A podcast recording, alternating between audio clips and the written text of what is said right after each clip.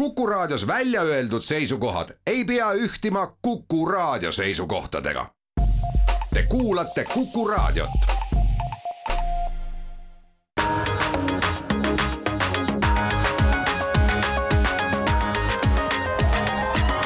digitund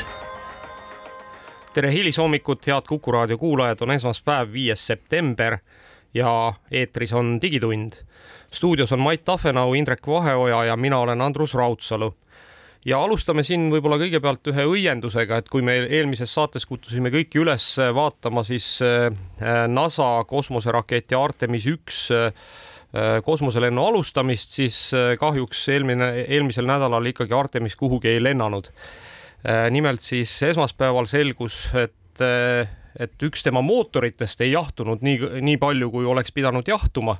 ja see on küll hämmastav, et, et need mootorid peavad jahtuma siis miinus kahesaja viiekümne kraadini, noh, lõpuks tuli küll välja, et tegu oli siis äh, vale, vigase anduriga, mis mootori temperatuuri näitas, aga see start lükati edasi laupäevani ja laupäeval selgus siis see, et kuskilt siis lekkis vesinikku sellest süsteemist, noh, lõpuks tuli välja, et vist äh, need vesinikutrassid olid liiga kõva surve all, aga igatahes tänaseks on siis selle Artemise äh, start edasi lükatud vähemalt üheksateistkümnenda septembrini, nii et äh, hoiame siis näppu pulsil ja loodame, et, et, et näeme selle ikkagi vägeva stardi ära ühel hetkel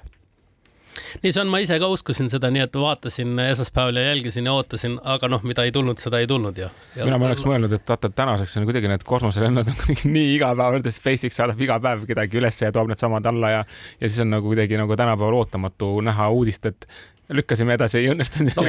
ütleme nii, et vaata SpaceX ikkagi ka alguses päris, päris mitu korda või noh, ütleme, ma mäletan seda, et see oli ikkagi kuid oli see, kus see SpaceX-i äh, raketi start edasi lükati, ennem kui nad hakkasid nii regulaarlende tegema, ütleme nii, aga aga tegu on ju nüüd ka täiesti uue raketiga, mis on ka vist äh, pretsedenditult kõige võimsam rakett, mis kunagi üldse kosmosesse saadetud on, nii et noh, arusaadav, et võib-olla alguses ei lähe kõik äh, päris plaanipäraselt, aga aga rääkides sellest, et mida siis veel oodata on lähiajal, et siis seitsmendal septembril äh, siis juba kahe päeva pärast on siis äh, tulemas äh, sügisene Apple'i siis suur üritus, kus hüütakse välja kõikvõimalikke uusi asju ja ma ei tea, mis seal tulemas on, et vist on noh, kindlasti on tulemas uus iPhone. Ja kusjuures minu arust kõige nõmedam liigutus väidetavalt on see, et minisid ei tule, et kas järgmine aasta tuleb, ei tea, aga hetkel on nagu turg näidanud, et, et inimesed ei taha minisid, kuigi isiklikult tunnen, et kõige õigem suurus üldse no ma ei tea, Mait soovid endale nuppudega telefoni ka osta, need on eriti väiksed. mul just üks tuttav ostis eelmine nädal nuppudega telefoni ja ma küsisin, et miks sa seda tegid, siis see tegelikult oli väga proosaline põhjus selle jaoks, et äh, siis äh, nendel äh, siis välisukse juures olev fonolukk et siis selle jaoks, et kuna seal oli mingi aga ja uuendamise küsimus, et siis ta nutitelefonidega ei pidanud nii hästi töötama kui nuputelefonidega ja siis nad ostsid endale spetsiaalselt ukse avamiseks nuputelefoni. no, no teisest küljest aga mõelge nüüd ise, kui suured on teised telefonid, milline pöial sul peab ulatama, olema, et sa ulataksid ühest servast teise, noh, see on füüsiliselt võimatu, ta on kahe käe labides või ei no ära nüüd siis äh, virise, et, et inimestel on juba nutikael on ju, et küll tuleb ka nutipöial, et, et, et. ma arvan, et juba on, et, et see ei ole üldse väga kaugel enam. et eh, ega siis evolutsioon ju ikkagi toimib eh, jätkuvalt, et aga, aga ma arvan, et kõige huvitavam asi, mida seal, mida mina ootan sellest on, on tegelikult Apple'i kell, et eh, räägitakse ikkagi, et kellast tuleb ka siis selline pro-versioon, mis siis äh, noh, kuni selleni välja, et võib-olla omab lausa satelliitsidet enda sees ja, ja, ja, ja võimaldab siis noh, ütleme, ma ei tea, kui sa oled kuskil maastikul, kus, kus miski asi ei levi, endale abi kutsuda ja nii edasi, aga aga noh, igatahes, kui sellest Apple'i kellast tuleks üks suurem versioon, mulle meeldiks see väga, sellepärast et ealiste iseärasuste tõttu noh, ikkagi mida suurem on see ekraan, kust asju vaadata saab, seda, seda parem. äkki tuleb ka lõpuks selline kell siis, millel aku kestaks terve päeva lõpuni jah, no vot, kui sa muidugi nüüd, nüüd, nüüd, kui sa selle nagu aku teema juba tõstsid, siis, siis ma tahaks siia vahele küll, küll äh, visata ühe sellise asja, et et äh, põnev, põnev, aga Euroopa Komisjon äh, nimelt on siis tulnud välja sellise noh, initsiatiiviga, et, et, et tahaks siis hakata võitlema selle eest, et telefoni akud kauemini vastu peaksid. et on siis eelmisel nädalal tulnud välja selline noh, kuidas siis öelda, mustand äh, ühest dokumendist, äh, kus siis ühelt poolt telefonitootjaid siis innustatakse või, või, või, või, või, või kästakse siis neil tagada telefonidele vähemalt viie aasta jooksul kõikvõimalikke varuosi. Ja teine on siis, teine osa räägib siis sellest, et, et, et tõepoolest ka akud peaksid kauem vastu pidama, noh, iseenesest ma nüüd siinkohal tunnen küll seda, et, et et ma olen nagu Euroopa Komisjon noh, on tõesti nüüd võitleb ka minu eest, et ma olen ammu rääkinud seda, et telefonidel võiks normaalsed akud sees olla. kusjuures huvitav on ju see, et mäletate, kui need tolmuimejad turult kadusid, sellepärast et nad kulutasid potentsiaalselt liiga palju energiat, et oli võimalik oluliselt säästlikumalt saada sedasama tolm kodust kätte, et ma ei kujuta ette, milline jalajälg on telefonide akudel, eks ju, kui nad vähem tarbiks, et noh, tundub, et see on kõige väiksem elektritarbija kodus üldse, eks jah, aga kusjuures, kusjuures muuseas tulles selle jalajälje juurde, et, et, et, et siin ongi see, et, et nüüd see väidetavalt siis äh, seesama telefonide eluea pikendamine läbi selle, et äh, neid on võimalik siis ka remontida väidetavalt on siis võrdväärne sellega, kui umbes viis miljonit autot teedelt eemaldada, nii et see on ikkagi päris äh, aus, ausalt öeldes aukartust äratav number. mis on tegelikult selles mõttes õige, et me tihtipeale ei märka seda, kui tihti me neid telefone vahetame, kui palju elektroonikat seal sees on ja kui palju energiat tegelikult läheb ühe telefoni tootmisse, et, et ma arvan, isiklikult ma tunnen alati, et kuidagi jõle nõme on jätta nagu korras telefon kuskile riiulile just sellepärast, et tarkvarauuendused on ta teinud niivõrd aeglaseks, et ma ei saa enam seda viimast välja võtta. ja ometi meil on kõigil, ma arvan, kodus noh, üks kuni mitu erinevat nutitelefoni, mis on eh, siis jäänud seisma, kuna sa oled uue vastu välja vahetanud ja see probleem võis ollagi selles, et näiteks aku ei pea enam nii palju kui vanasti ja selle vahetamine on tõeline peavalu. ja just nimelt. rääkimata, et see vahetamine maksab enam-vähem poole sellest hinnast, et no ega ongi, seal lähedki remonditöökotta võid minna, siis öeldakse, et kuule, et, et see nüüd maksab nii palju ja siis, et noh, kui sada eurot paned juurde, saad juba uue telefoni, no ei ole pointi, eks ju. no lapsevanemana õnneks pean ütlema, et laste telefonideks nad enamasti on ikkagi nagu okeid olnud ja kui selle aku vahetuse välja vead, siis äh, saab vähemalt keegi nagu piisavalt palju rõõmu veel sellest edasi. minu arust on Kule... laste telefonidega selline asi, et kui jälle iga natukese aja tagant on kellelgi telefon katki, lähed viid selle parandusse, öeldakse, ahaa, siin on raam viga saanud, me ei tee mitte midagi ja ongi kõik kuulge, aga hüppame siit telefoni telefonide juurest tagasi veel korra Apple'i juurde, et, et möödunud nädalal selgus ka, et üks siis selline äh, veidra nimega äh, riiulifirma on hakanud kõvasti registreerima kaubamärke, äh, siis registreeris kaubamärgid Reality One, Reality Pro ja Reality Processor ja noh, kui siis natuke uuriti, siis äh, tuleb välja, et see riiulifirma on vist seotud Apple'iga, et, et äh, Apple siis vaikselt kuidagi äh, telgi taga siis üritab kuidagi reaalsuse, reaalsust endale kaubamärgistada ja, ja noh, mis seal salata, et noh, mine tea, kas me nüüd kuuleme sellest midagi sellel Apple'i üritusel või kuuleme järgmisel, aga igatahes see viitab sellele, et tulemas on ikkagi Apple'i bränditud virtuaalreaalsuse või liitreaalsuse prillid ja, ja tõenäoliselt ei ole need enam väga kaugel no aga selge, et Apple ei saa ju jääda sellest rongist maha, kui kõik ümberringid tegutsevad, et, et nemad ju peavad ju samamoodi rongil püsima. ja, ja muuseas, aga, aga siitkohal, siinkohal muuseas äh, väga huvitav äh, statistiline info, mis saabus ka möödunud nädalal, on see, et äh, et noh, kui meile on kogu aeg tundunud, et Apple on noh, kuidagi selline eh, noh, ikkagi vähemusmängija eh, nutitelefonide turul, siis eh, vähemalt Ameerika Ühendriikides juunikuus siis uuringud näitasid, et iPhone'i turuosa Äh, tõusis üle viiekümne protsendi, noh, tavaliselt on ikkagi ütleme, noh, mina, mina oma peas olen teadnud kogu aeg, et noh, tõenäoliselt Android on umbes kaheksakümmend protsenti ja noh, Apple on umbes kakskümmend protsenti turust. kusjuures vastupidi finantsnäitajatele, eks ju, et kus kaheksakümmend protsenti rahast on Apple'i käes ja kakskümmend protsenti on kõiges muus, eks ju, et jah, aga, aga nüüd ikkagi ütleme, et see on nagu minu arvates ikkagi noh, täiesti nagu oluline muutus turul ja oluline nagu informatsioon, nii et ja kusjuures see ei ole mitte mingisugune niisugune ühekordne hüpe, vaid see trend on tegelikult pikaajaliselt on Apple kogu aeg kasvanud, kasvanud, kasvanud natukese haaval. noh, näete, ka meie pole seda tähele pannud, eks, et, et nüüd on see siis välja tulnud, eks niimoodi suurelt, mis iseenesest tähendab seda, et, et noh, võib-olla ühel hetkel me jõuamegi sinna, et on uh, one phone to rule the them all on ju ja.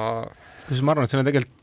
mitu erinevat asja, noh, esiteks ma ei usu, et Android kuskile kaob, et noh, kindlasti on ruumi teisele turule alati, alati tahab keegi alternatiivi ja selles mõttes see kuskile kindlasti ei kao, no kui nad väga fataalset kraavi ei pane, eks ju. no aeglaselt, kaob lihtsalt aeglaselt, hääbub. jah, no teine case on muidugi see, et või juhtum, et äh, ma arvan, et äh, iPhone on olnud alati niisugune premium bränd, ta on kallim ja lihtsalt elatustase võib-olla ma ei oska öelda, erinevatel põhjustel on praegu nagu, kus raha hind on odavnenud, ühesõnaga, ehk siis seadmed on tegelikult läinud selle võrra ka nagu kättesaadavamaks, odavamaks ja see on kindlasti nagu üks asi, mis on kaasa aidanud sellele, et inimesed saavad seda lubada, et varem oli iPhone'i omanikud olid ikkagi niisugune heaoluriigi tunnus, et ma just ainult norrakaid teadsin, kes ütlesid, et noh, milleks kellelegi see Android üldse, et noh, et iPhone on nii palju parem, aga teised ei saanud seda endale lubada. nojah, aga mina mäletan ikkagi seda aega, kus Androidi omanikud rääkisid ka seda, et noh, et Androidis on need ja need vägevad featuurid, mida iPhone'is ei ole aga nüüd on noh, ikkagi üks kaks-kolm viimast aastat on tegelikult olukord ikkagi selline, et et kõik need featuurid, mis iPhone'is juba ammu olemas on, hakkavad ka riburada vaikselt sinna Androidi tilkuma ja noh, nii, nii nagu nad sealt siis vaikselt tulevad, et et ei ole noh, ütleme, et on nagu natuke mahajäämus seal Google'i poole peal, aga, aga, aga siinkohal vist on meil ka mõistlik minna reklaamipausile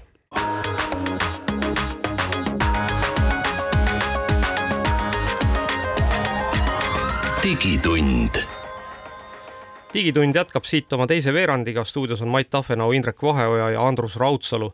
ja just saabus värske uudis, et peame siis äh, õnne soovima Eesti äh, siis mehitamata äh, sõjamasinate tootjale Milremile, nimelt on siis Venemaa kaitseministeerium pannud siis välja autasu sellele, kes siis Milremi sõiduki ühes tükis nendeni toimetab, et enam-vähem ühes tükis ja. on seal öeldud ja siis tasuks on miljon rubla, mis siis enam-vähem praegu peaks olema kuskil kuusteist tuhat eurot. ja seal on väikene aga, et, et mitte iga selle masina kohale toomise eest ei saa siis raha, vaid kõigepealt inspekteeritakse trofee üle ja siis vaadatakse, kas on piisavalt heas korras, et sulle see miljon maksta või läheb nii, nagu selles riigis tavaks, et öeldakse, et ei ole piisav. ja kui keegi nüüd mõtleb, et ta nüüd läheb ruttu, ostab selle masina endale ja läheb müüb maha, eks ju, siis see masin ise maksab umbes kolmsada tuhat eurot, mis suurusjärgus kuueteist tuhande euro vastu vahetult on ikka nojah, aga eks, eks vist see on selle riigi omapära, et üritatakse kõiki asju saada natuke odavamalt ja, ja nii nagu ei peaks, aga, aga okei äh,, lähme siit äh, siis edasi, et, et, tõepoolest tunneme head meelt selle üle, et Milrem on siis tõsiste tegijate liigasse äh, sisenenud äh, aga ja, ja noh, ja siis ikkagi on nagu Vene Föderatsioonile tõsiseks ohuks tõenäoliselt, et, et, et tore on teada, et meil on siin selline ettevõte, aga lähme edasi äh, sotsiaalvõrgustikega, et Snap siis äh, noh, ütleme, et alternatiiv, eks kõikidele nagu niisugustele mainstream sotsiaalvõrgustikule teatas äh, möödunud nädalal, et nad ikkagi kavatsevad kakskümmend protsenti lausa oma töötajatest koondada ja hakkavad siis äh, kinni panema originaalsisu, teatavasti Snap tootis ka mingisuguseid selliseid äh, noh, ütleme, et e-, enda sees siis äh, niisuguseid klipikesi ei arenda enam ähm, äpisiseseid mänge ja panevad ka igasugused lisaäpid kinni, et neil oli siis selline sõprade leidmise äpp nimega Zenly ja siis muusika avastamise äpp nimega Voicely et need kõik lähevad kinni ja edasi keskendutakse ainult äh, kasutajate kasvule ja liitreaalsusele ja noh, liitreaalsuses muidugi Snap on päris tugev. Neil on väga suur see filtrite kogu, kui keegi tahab endast niisuguseid lahedaid nägusid saada, et jah, aga, aga mina, mina arvan, et iseenesest on see õige, et, et nad on täna nagu võtavad siis äh, noh, ennast kokku, ei äh, noh. no sa ei saa kõigile midagi pakkuda, kõigile jah, ja, ja, ja, ja lihtsalt siis Äh, keskenduvad sellele, milles nad tõesti head on ja, ja, ja see filtrid on head ja, ja noh, ütleme, et nüüd sealt muidugi sealt edasi vaadates on päris huvitav, et äh, noh, ma ei tea nüüd, kas see on siis seoses sellesama äh, töötajate kokkutõmbamisega või mitte, aga igatahes äh, lahkub Snapist nende müügipealik. aga see, kuhu ta lahku, lahkub, on ka iseenesest päris kõnekas, et nimelt ta lahkub siis Netflixi et hakata siis Netflixis äh, müüma reklaame siis äh, sellesse vast, vast lansseeritavasse või peagi lansseeritavasse siis äh, reklaamide poolt toetatud kanalisse või õigemini siis on siis, tekib Netflixis võimalus, et sa ei pea maksma üldse kuumaksu, et kui sa vaatad piisavalt reklaame, siis võid vaadata Netflixi tasuta. ja nüüd praeguse hetke seisuga äh, Äh, arvatakse, et Netflix tuleb siis selle äh, siis reklaami poolt toetatud paketiga välja esimesel novembril kuule, kui me Snapist räägime, siis üks lahe uudis veel, et kes nagu väga armastab videosid teha, siis Snapi tuleb uus funktsioon. Et kahe kaameraga korraga salvestamise võimalus, et saad äh, vaadata ja näidata midagi telefoniekraanile, samal ajal on, kui su enda nägu siis seal toimetamas. no see on BeRealist tulnud ilmselt, sest et praegu nii Instagram, noh, ongi nüüd ka Snap, keegi ei taha sellest uuest trendist maha jääda, et sa korraga pildistad kahe kaameraga korraga, eks ju, mis nagu ettepoole ja tahapoole mõlemad, et see on, on praegu kus, väga popp. see on päris pull, et, et see Äh, uus on ikkagi hästi ära unustatud vana, et mina mäletan, et, et kunagi olin ma ühe startup'iga siis äh, äh Seedcampis ja samal ajal oli seal siis üks tüüp, kes ja see oli noh, ikkagi rohkem kui kümme aastat tagasi oli seal samal ajal üks tüüp, kes tegi äppi nimega Frontback, mis juba tollel ajal tegi siis sellist äh, revolutsioonilist asja, et mhm. pildistas mm -hmm. mõlema kaameraga ja, ja, ja ausalt öeldes ta oli mingil hetkel oli väga populaarne, korraks lendas ülesse, aga noh, juhtus nii nagu paljude asjadega, et, et see populaarsus sai ka kiiresti otsa no küsimus on ikkagi selles, et mis probleeme sa tegelikult lahendad, et kas me ikkagi päriselt vajame seda funktsiooni, et noh, kindlasti on neid, kes vajavad. aga ma arvan, et see ei ole kindlasti niisugune asi, mida kõik vajavad. ja aga nüüd noh, kui me sealt sotsiaalvõrgustike teemadele edasi läheme, siis siis ma arvan, et äh, päris oluline uudis on nüüd see, et, et Facebookis ja Instagramis saab siis lõpuks hakata oma NFT-sid üles laadima. noh, tõsi küll, esialgu jällegi kehtib see ainult USA klientidele, aga noh, ega me oleme seda ka ennem näinud, et, et see jõuab ka suhteliselt kiiresti mujale maailma.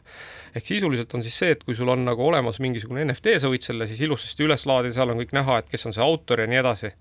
ja see kõik on siis täiesti tasuta teenus.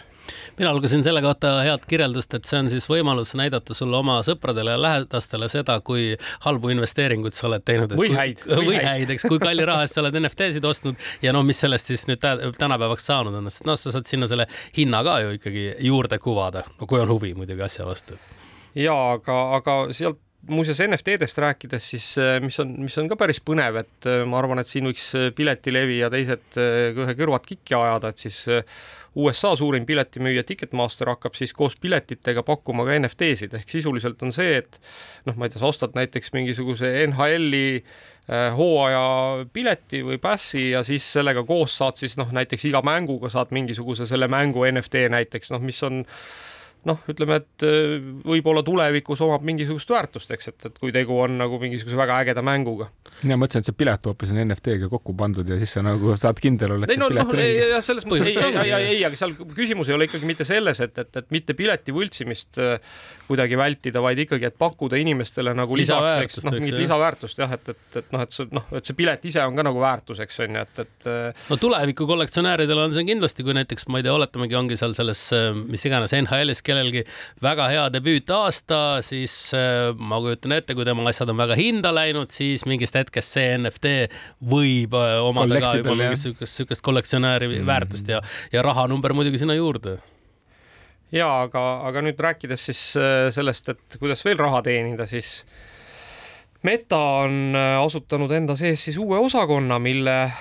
mille eesmärk on siis välja mõelda tasulised teenused, mida saaks meta sees müüa, et noh, me ju kõik teame, et äh, Facebooki ja Instagrami kasutamine ja Whatsappi kasutamine on tasuta.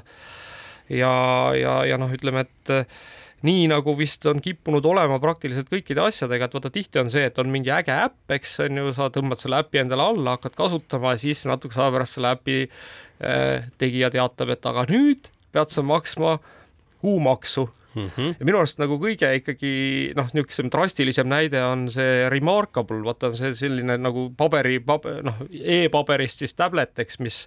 mis nagu oli täitsa äge toode, eks, ja, ja tõesti võimaldas nagu noh, nendel, kes armastavad nagu märkmikusse kirjutada, eks kirjutada siis kuhugi oma tabletisse ja, ja saada need märkmeid digitaalselt. ja ühel hetkel siis nad ilmselt avastasid, et nad ikkagi oma selle riistvara müügist nii palju ei teeni ja siis tekitasid ka kuumaksu siis sellele, et, et, et noh, et kui sa siis seda Remarkable'i kasutad, ostad, siis põhimõtteliselt pead nagu tarkvara eest siis iga kuu maksma, onju, et et noh, loodame, et nüüd päris niisugust Facebooki maksu ei tule, et, et tahad Facebooki kasutada, siis maksad iga kuu kolm dollarit näiteks Facebookile. no loodame, et jah, nad panevad pigem uus, uutele teenustele rõhku, mis tulevad juurde selle raha eest, mitte jah, ei riku olemasolevat ära, aga noh, eks see on, aeg näitab. aga eks see on, selles mõttes on, on, on jällegi, et on nagu puhtalt, ma arvan, ka turukonjunktuuri küsimuseks. et kui me vaatame, siis Meta ikkagi noh, üheksakümmend vist kaheksa protsenti nende käibest tuleb reklaamimüügist ja see reklaamimüük on selline noh, ei ole tänapäeval nagu väga populaarne asi, eks, et, et kui me isegi vaatame, et noh, kõikvõimalikud meediaväljaanded, eks täna enam ei teeni reklaamimüügist, vaid teenivad tellijate tulust, noh Apple on ammu, eks, Apple on puhtalt tellijate tulu peal, eks see on nagu palju ägedam ettevõte, eks ju, ja, ja, ja, kõrgema valuatsiooniga, et ju siis Meta on ka aru saanud, et et tuleb ikkagi sellest reklaamilahast nagu mõnevõrra eemalduda, et oleks ka mingisugune alternatiivne sissetulekuallikas. hakkasin just mõtlema, et päris lahe Facebook oleks, kui sa näed enam-vähem kõiki postitusi poolikult, et kui tahad tervet postitust lugeda, pead raha maksma Twitterist ka paari sõnaga. Eh, Twitter on nüüd eh, loomas siis ühte sellist funktsiooni, mida kahe tuhande kuuendast aastast igatsetakse palavalt, aga siiamaani ei ole seda siis kasutajatele saadava, kättesaadavaks tehtud ja see on siis postituse muutmise võimalus. Poole tunni jooksul siis võid mõned korrad muuta. noh, et, et siis kas ongi mingid kirjavead või, või ka mõned faktivead, mis sa oled siukse suures säutsumise hoos unustanud kontrollimata, et, et praegu seda testid valitakse siis. jah, ja kusjuures seal on oluline on selle juures ka see, et et need muudatuste logi on siis kõigile nähtav, et, et noh, et, et juhul, kui sa ikkagi oled teinud nagu kohutava kirjavea, siis äh, seda, et sa düsgraaf oled päris ära peita ei saa. jah, või, või siis kui sa, kui sa oled kellegagi tüli üles tõmmanud ja siis ja. see on ennast ka seal käima tõmmanud, siis sa muudad oma originaalse postituse ära ja teed teise lolliks, et sellist asja ikkagi ei ole, et, et seal jääb see, see logi näha, aga, aga noh, iseenesest on äh, see täiesti nagu mõistlik muudatus ja seda on, on nagu no ma ütlen, Twitteri juures võib-olla kõige rohkem üldse igatsetud ja, ja siis äh, võib-olla nüüd üks selline ka hitihoiatus äh, sotsiaalvõrgustike valdkonnast, nimelt äh, Pinterest siis on tulnud välja uue äpiga nimega Shuffles, mis siis võimaldab noh, erinevatest asjadest teha selliseid ägedaid kollaaže ja panna neid ka nagu kuidagi noh, animeerida ja, ja, ja, ja panna liikuma. ja suhteliselt lühikese ajaga on see Shuffle siis hüpanud näiteks Ameerikas üheks populaarsemaks äpiks, et ta on siis äh, vist nädalaga tõusis äh, mittemängude top kahekümnesse ja noh, väidetavalt siis ülemaailmselt üldse number kuuskümmend kuus ja arvestades, kui vähe ta on turul olnud, siis äh, siis see on nagu asi, et kellel vähegi huvi niisuguste asjade vastu on, tõmmake endale, vaadake ja äkki hakkab meeldima. Kuule, aga võib-olla peaks korraks lihtsalt selgeks tegema, et me oleme rääkinud päris palju Metast, eks ju, ja Facebookist me oleme rääkinud Instagramist, aga me ei ole kordagi rääkinud, mis asi see Instagram on ja mis asi on Pinterest. Pinterestist me ei ole üldse varem rääkinud. no Pinterest on kogum äh, kaunilt äh, disainitud pilte sisekujundused, kõik sellised asjad. see on see, noh, ütleme, et sinu enda moodboard, kus sa saad inspiratsiooni koguda ja teistega jagada ja ta vist on valdavalt sisekujundustele orienteeritud või ta ei ole see, kus ma ilupilte panen ülesse, kus ma käisin rannas vaadates, võrreldes Instagramiga? pigem mitte jah ja,, pigem seda, on siuksed, siuksed sisekujunduse asjad rohkem, mul on jäänud endal selline tunne, aga noh. aga Pinterest Shuffles, ma muide ütlen ära, et miks see nii popp on ikkagi selle jaoks, et eh, paremaid Tiktok'e teha, see on ikkagi suures osas eh, selle jaoks. et oleks mugavam sirvida ilusaid. jah, ilusaid asju ja sealt saab kohe otse linkida oma Pinteresti ja, ja nii edasi, aga lähme siitkohalt nüüd reklaamipausile ja oleme juba hetke pärast tagasi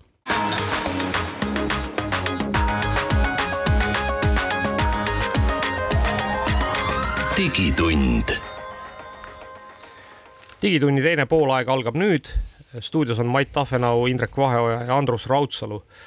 ja räägime natuke sellest, et äh, Berliinis toimus siis äh,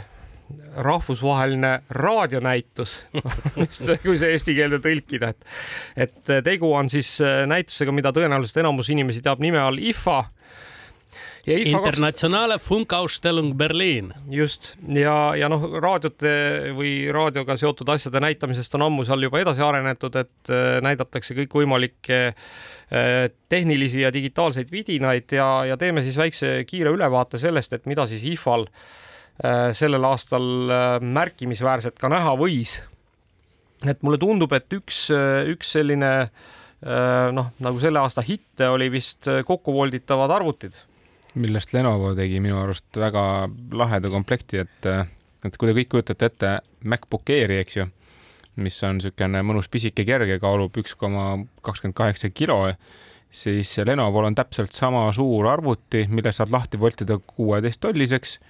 ta kaalub täpselt sama palju, eks ju, ja ta küll maksab natukene vihasemalt, et kaks pool tuhat dollarit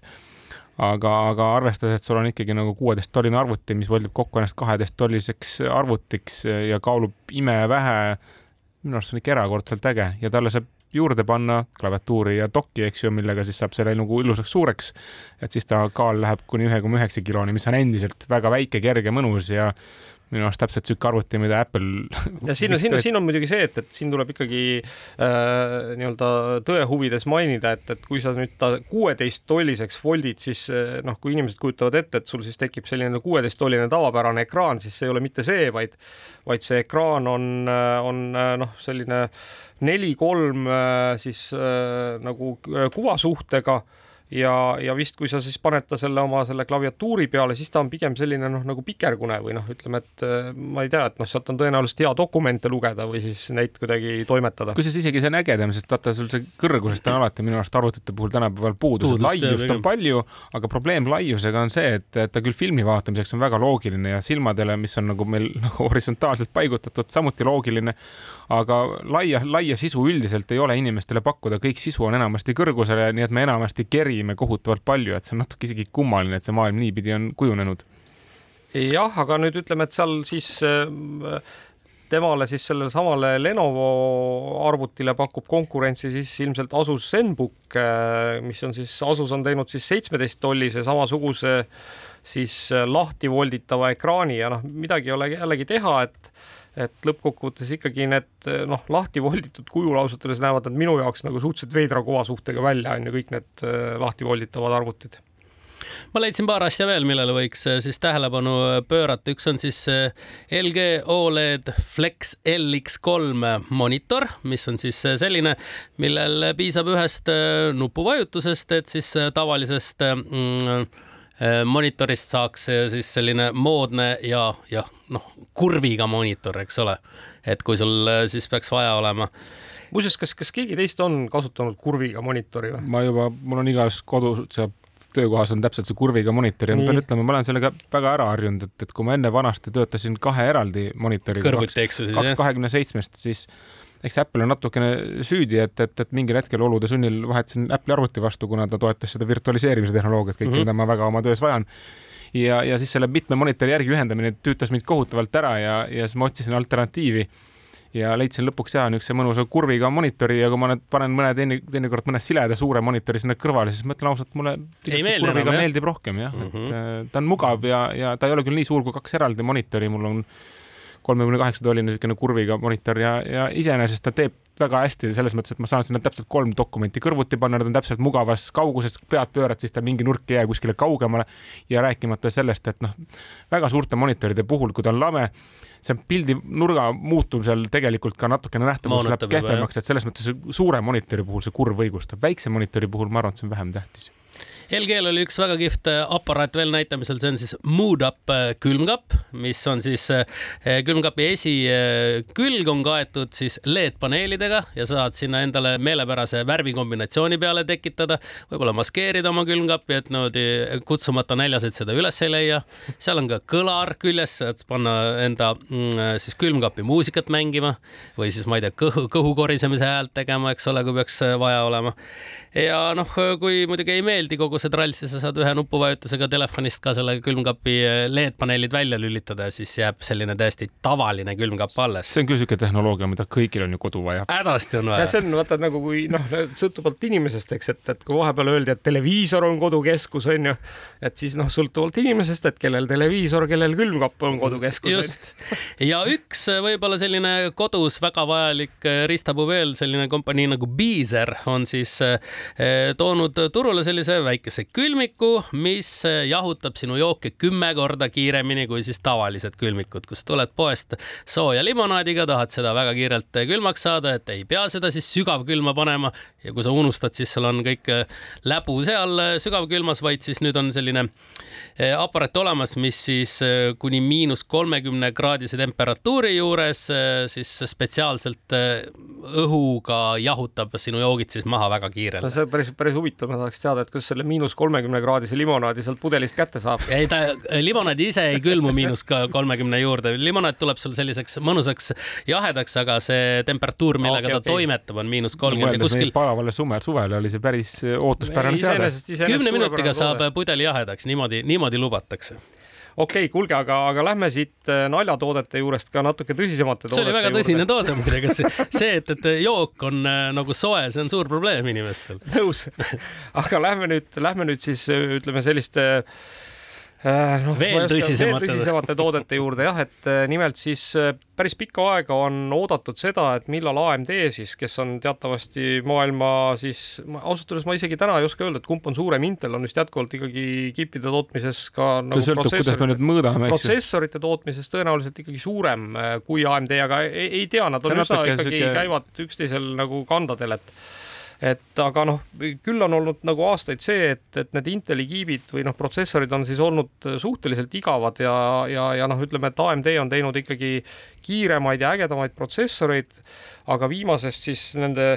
nii-öelda protsessorite reinkarnatsioonist, mis oli siis Ryzen viis tuhat seeria, on juba üle kahe aasta möödas ja on oodatud siis seda, et pikisilmi, et millal tuleb järgmine järgmine seeria, nüüd tõepoolest on siis välja öeldud, et alates kahekümne seitsmendast septembrist on siis saadaval AMD uued Ryzen seitse tuhat seeria protsessorid. Siin on muidugi oluline teada, et kui sa tahad enda arvutit nüüd uuendama hakata, siis sisuliselt pead ikka ostma kogu komplekti uue, sest ka uut emaplaati on sul vaja. Jah, no loomulik on see, et, et tegelikult kõikidel protsessoritel ju käib kaasas ka see emaplaadi kiibistik, eks, mis, mis siis tegelikult arvutit noh, ütleme, et kui protsessor arvutab, siis see juhib ja see on alati protsessori kohane, nii et äh, midagi ei ole teha jah, et tõepoolest äh, tuleb osta uus emaplaat, tuleb muuseas osta ka uued mälud, sellepärast et äh, vanad, vanasid aeglasemaid mälusid uued protsessorid ei toeta, nad vajavad igatahes DDR5 mälusid. Ja, ja, ja väidetavalt siis on nad vähemalt kolmkümmend protsenti kiiremad kui senised protsessorid ja, ja siis algab siis see äh, seitse tuhat kuussada X protsessorist, mis on siis, eh, mille hinnaks on kolmsada dollarit ja lõpeb siis eh, seitse tuhat üheksasada viiskümmend X protsessoriga, mille hinnaks on siis seitsesada dollarit ja noh, siis seal on kaks tükki veel seal vahepeal. Aga ütleme niimoodi, et ega neid inimesi, kes endale sellist tehnikat enam kodu täna ostavad, jääb järjest vähemaks, et see on kas tõsihingeline mängur või siis väga nagu mingi keerulist arvutusvõimsust vajava professionaalse töötajaga? ma arvan, ma arvan, et seal ongi kaks, tegelikult kaks nagu sihtgruppi, üks on tõsihingelised mängurid ja teine on inimesed, kes tegelevad väga tõsiselt äh, videotöötlusega. jah, sest igal muul juhul nagu see laptop on nagu nii tugevalt üle võtnud, et isegi fotograafid enam ei viitsi juba ammu aega nagu lauaarvutitega möllata. see võtab sul ruumi sellele, seda seal kaasas, kus sa teda tahad kasutada, eks ju, noh, vajadus tegelikult nagu järjest on vähenenud seoses nagu sellega, et arvutid on läinud võimsamaks efektiivsemaks ja kompaktsemaks. ja kahekümne seitsmendast septembrist peaksid siis need protsessorid saadaval olema, aga lähme siitkohalt nüüd äh, reklaamipausile ja oleme juba hetke pärast tagasi.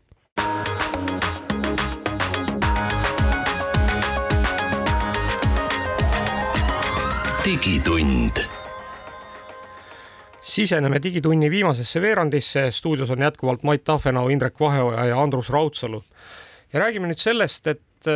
möödunud nädalal siis lekkis uudis, kuna see veel ei ole ametlikult välja kuulutatud, et Logitech äh, kompanii, kes on siis tuntud selle poolest, et teeb äh, kõvasti hiiri ja klaviatuure ja igasuguseid muid arvutividinaid, on siis välja tulemas oma siis, ma ei tea, kuidas me seda nimetame, mängukonsooliga või mm, -hmm. mis on siis niisugune käeshoitav noh, ütleme, et Nintendo Switchi sarnane seadeldis mis väidetavalt siis toetab enamust äh, mängude striimimise teenuseid ehk äh, erinevalt siis näiteks äh, Steam Deckist, mida me kõik pikisilmi ootame ja noh, mida mina olen näiteks ära tellinud juba aasta tagasi ja siiamaani pole kätte saanud. täpsustame, et sa tellisid niisuguse erilise mudeli, mis on lihtsalt nagu tavaliselt on ammu kohes on või? on, on jah. nojah, noh, on, on, on nagu on, aga igatahes noh, ütleme, et nii, et Steam on öelnud, et aasta lõpuks ikkagi saavad kõik oma Steam Deckid kätte, nii et, nii et lootus sureb viimasena, aga, aga noh, kui Steam Deck on siis ikkagi äh, noh, ütleme põhimõtteliselt nagu niisugune portatiivne arvuti, kus sees siis äh, tegelikult need mängud jooksevad, siis, siis nüüd see Logitechi stream, äh, streamingu seade on siis puhtalt mõeldud selle, selle jaoks, et et kasutada siis mängu striimimise service eid, see tähendab seda, et et noh, ma esiteks ma arvan, et seal peab olema mingi suurepärane võrguühendus, on ju, äh, suurepärased wifi äh, kiibid ja nii edasi, et, et selleks, et üldse tagada see, et, et, et, et sellega oleks võimalik kuidagi mõistlikult mängida et et ta pakuks ka näiteks Steam Deckile mingisugustki äh, konkurentsi. Aga noh, ütleme, et, et kui vaadata siis tehnilise platvormi poole pealt, siis tegu on seal siis Qualcomm'i G3 platvormiga, mida siis siiamaani ei ole veel kuskil kasutatud, nii et äh, on, on vist olnud küll Razeril üks mingisugune niisugune demo, demoseade või noh, ütleme developers kit, aga, aga, aga noh, ühtegi valmis toodet äh, sellel äh, riistvaraplatvormil siiamaani ehitatud ei ole, nii et jääme huviga ootama, kas on siis võimalik, et tuleb ka Steam Deckile konkurent? no igal juhul Logitech lasi selle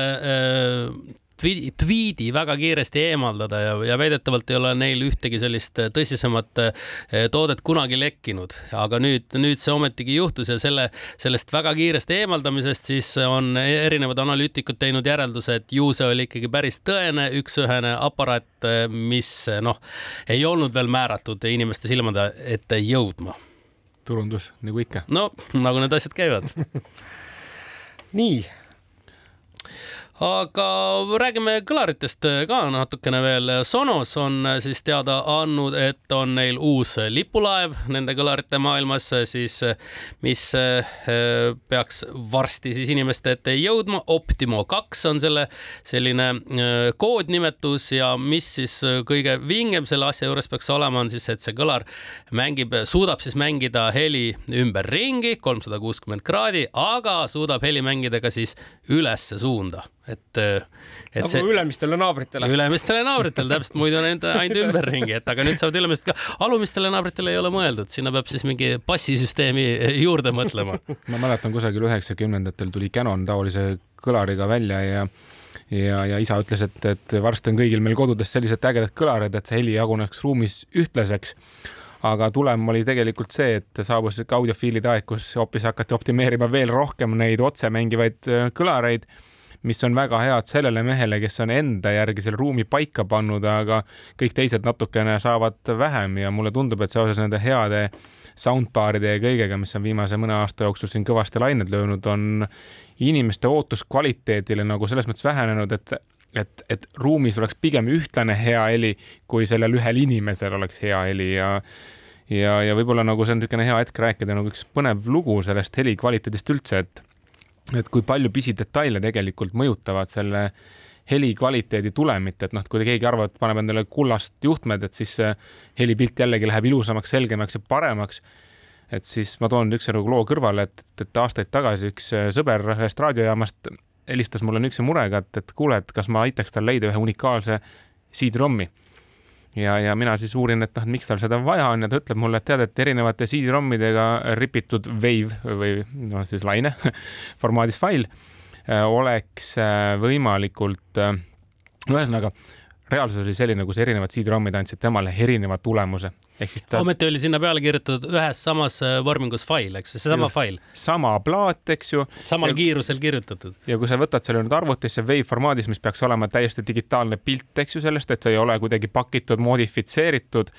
tuli tulemus erinev, et tema pani klapid pähe ja kuuleb, et tulemus on teine ja asja uurima aru, asudes, eks ju, siis võtsime sellesama plaadi, tõmbasime uuesti mitme erineva CD-ROM-iga arvutisse ja võrdlen faili võrdlemistarkvaradega ja tõesti, failid on erinevad. suurus on identne,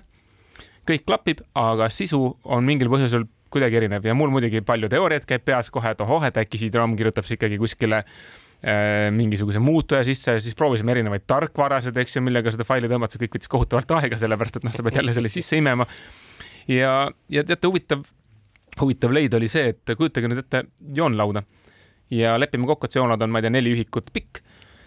ja, ja seal peal olevad need millimeetrid ja sentimeetrid on alati ühepalju, et seal on alati neli ühikut, aga seal joonlaua otsas on alati niisugune väike puhverpind, eks ju, ja lepime kokku, et see kogu joonlaua ühispikkus on ka sama, aga see lugu olenevalt CD-ROM-ist, millega tõmmati oli kergelt nihkes, ehk siis natukene tühja maad oli ühel otsal rohkem, teisel natukene vähem, ehk siis see ala, kus on see joonlaua ala, oli lihtsalt natukene kergel nihkega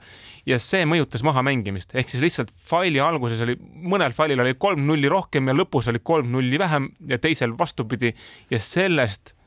noh, mina muidugi ütleme ausalt, ei suutnud seda erinevust märgata. just tahtsingi teada, et kas ainult sinu audiofiilist sõber sai sellest erinevusest aru või sa ise ka said aru? ei saanud. sina ei saanud, jah? aga, aga kujutage ette, et keegi oma kõrvaga märkas sellise asja ära, ehk siis noh, kujutage nüüd ette digitaalse mängimise puhul, et nad noh, need erinevad dekooderid, mis palju sul neid teekonna peal tegelikult on, kui sa kuulad seda muusikat et, et noh, igasugune asi, helikaart, eks ju, kuidas tema selle heli võtab edasi, võimendab, noh, kõik see tehnoloogia seal natukene mõjutab ja noh, loomulikult see näitabki seda, kui tähtis on, et see, et need komponendid oleks sul seal tee peal head, aga lõpuks sõltub hoopis sellest ka, et millise ROM-iga oled sa selle sisse tõmmanud või ka niisugune ROM seda parasjagu sul esitab, et, et see on niisugune väga ütleme, valgustav detail. millal no, sa, Mait, viimati mõnda kirjutatud plaati käes hoidsid? oi me kõik kuulame seda Spotify'd, eks ju, ja me tegelikult kunagi ei tea, mis rommist sinna jõudis. mina sellel nädalavahetusel hoidsin käes ühte kirjutatud plaati ja panin sellega ühte autosse, millel oli veel CD-mängija olemas ja see plaat veel mängis ka, see oli ikkagi selline valgustav kogemus. mulle meenub selle peale üks pilt kuskilt internetiavarustest, kus keegi oli, sõitis autoga, millel oli see kassetimängija ta oli oma telefoni sisse pannud ja teinud pildi, et noh, vaadake, siin auto tuli kunagi kakskümmend aastat tagasi juba telefoni hoidjaga. no just, aga muide, mis puudutab selliseid Unar formaat, formaate ja Unar siis selliseid andmesalvestusseadmeid, siis Jaapanis on nüüd valitsuse eh, digitaalminister teada andnud, tema alustab sõda siis selliste asjade vastu, mis kannavad nime floppy diskid, kuna siis tuleb välja, et Jaapanis on eh, no circa sada viiskümmend seitse erinevat seadust, mis siis eh, määravad ära selle, kuidas siis tuleb informatsiooni edasi jagada ja tuleb välja, et, et seal sellist noh, digitaalseid seadusi praktiliselt ei ole nii palju, kui võiks olla ja inimesed peaksid siis erinevatel, kas siis floppy diskidel, magnetilistel lintidel, optilistel diskidel ja millel veel iganes siis infot valitsusele saatma. Ja sellega nüüd on asutud siis noh, ikkagi sõda pidama. No mis siin tuleb vist öelda halleluuja, et Eestis ikkagi digiriik on nagu kuidagi noh, ütleme, et kui me vaatame, noh, me võime küll viriseda, aga kui me vaatame siis seda, mis toimub mujal maailmas, siis me oleme ikkagi äh, päris heal järjel, et ma isegi ei kujutaks ette, et kui peaks näiteks oma äh, Äh, maksudeklaratsiooni flopi diskile esitama. väidetavalt on siis kuskil tuhat üheksasada erinevat äh, valitsuse protseduuri, mis siis äh, noh, nõuab seda, et kas siis inimesed eraisikutena või siis mingid firmad, kes oma andmed, andmeid peavad saatma valitsusele, peavadki siis noh, neid flopi diskidel nagu saatma, et see tähendaks meil tänapäeval seda Eestis, et sa peaksid oma, ma ei tea, firmas panema üles spetsiaalse tööjaama, kus sul on võimalik siis andmeid flopi diskile kanda üldse, sest et noh no,. aga milline, milline business, ma kujutan ette, et Jaapan Jaapanis on mingisugune ikkagi ärimees, kes on ostnud maailma floppy diskid kõik kokku, eks mm -hmm. ülejäägid ja nüüd vaikselt siis neid annab firmadele välja iga kord, kui on vaja midagi riigile raporteerida. tundub, et jaapanlased on lihtsalt väga konservatiivsed, et kui me tegime tehnoloogia, mis töötab, siis keskendume järgmisele, et ärme muuda seda, mis juba toimib. et noh, seda natukene ei tahaks küll öelda kõikidel Jaapani autodel, aga enamasti on seda kuidagi nagu seal ka tunda, et seesama äh, digitaalminister on öelnud ka seda, et ta tahab veel ühest aparaadist lahti saada, mida meie ka väga ei mäleta enam faksist üritavad ka faksist ühe korraga lahti saada, nii et, et Jaapanis on noh, mida me oleme harjunud pidama selliseks ikkagi väga eesrindlikuks digimaaks, kus on noh, kõikvõimalikud uued seadmed ja nii edasi ja tuleb välja, et elu käib ikkagi floppy diskide ja faksi peal. no vot, aga ega Jaapan oligi selle floppy diskide ja faksi ajal oli väga eesrindlik digimaa Nad on lihtsalt kinni jäänud sinna. eks nad on jäänud sinna jah. mulle meenub ka võib-olla siit kõrval üks sihuke lugu, kus keegi rääkis mingi riigi nagu tehnoloogiast, kus siis nad olid öelnud, et noh, mis te siin tahate õpetada, et meil on kõik digi digitaliseeritud, eks ju, ja, ja kui nad sinna sisse zoom isid, siis selgus, et inimesed viivad kõik oma arvaldused paberi peal kohale ja siis keegi lihtsalt trükib. tädi skännib sisse neid või? trükib, trükib aha, sisse, et kõik on digitaliseeritud, et meil on digiriik juba olemas, et noh, mida te tahate meile jagada kuulge, aga, aga siit äh, veel mõned äh, Telegrami stiilis uudised, ennem kui me saate kokku tõmbame, et kõikidele neile, kes äh, siis on igatsenud Google'i dokumentides emojisid äh, kasutada, siis äh, nüüd teile väikene life hack. Äh, trükkige at emoji, täpselt nii nagu te kuulete ja siis avaneb teile klaviatuur, kus te siis saate valida emojisid ja neid oma dokumenti pista. ma rikun nüüd kohe meie saate dokumendi ka ära ja panen neid ainult ilusaid emojisid täis. aga selle rõõmsa teadmisega täna lõpetame, kohtume juba nädala pärast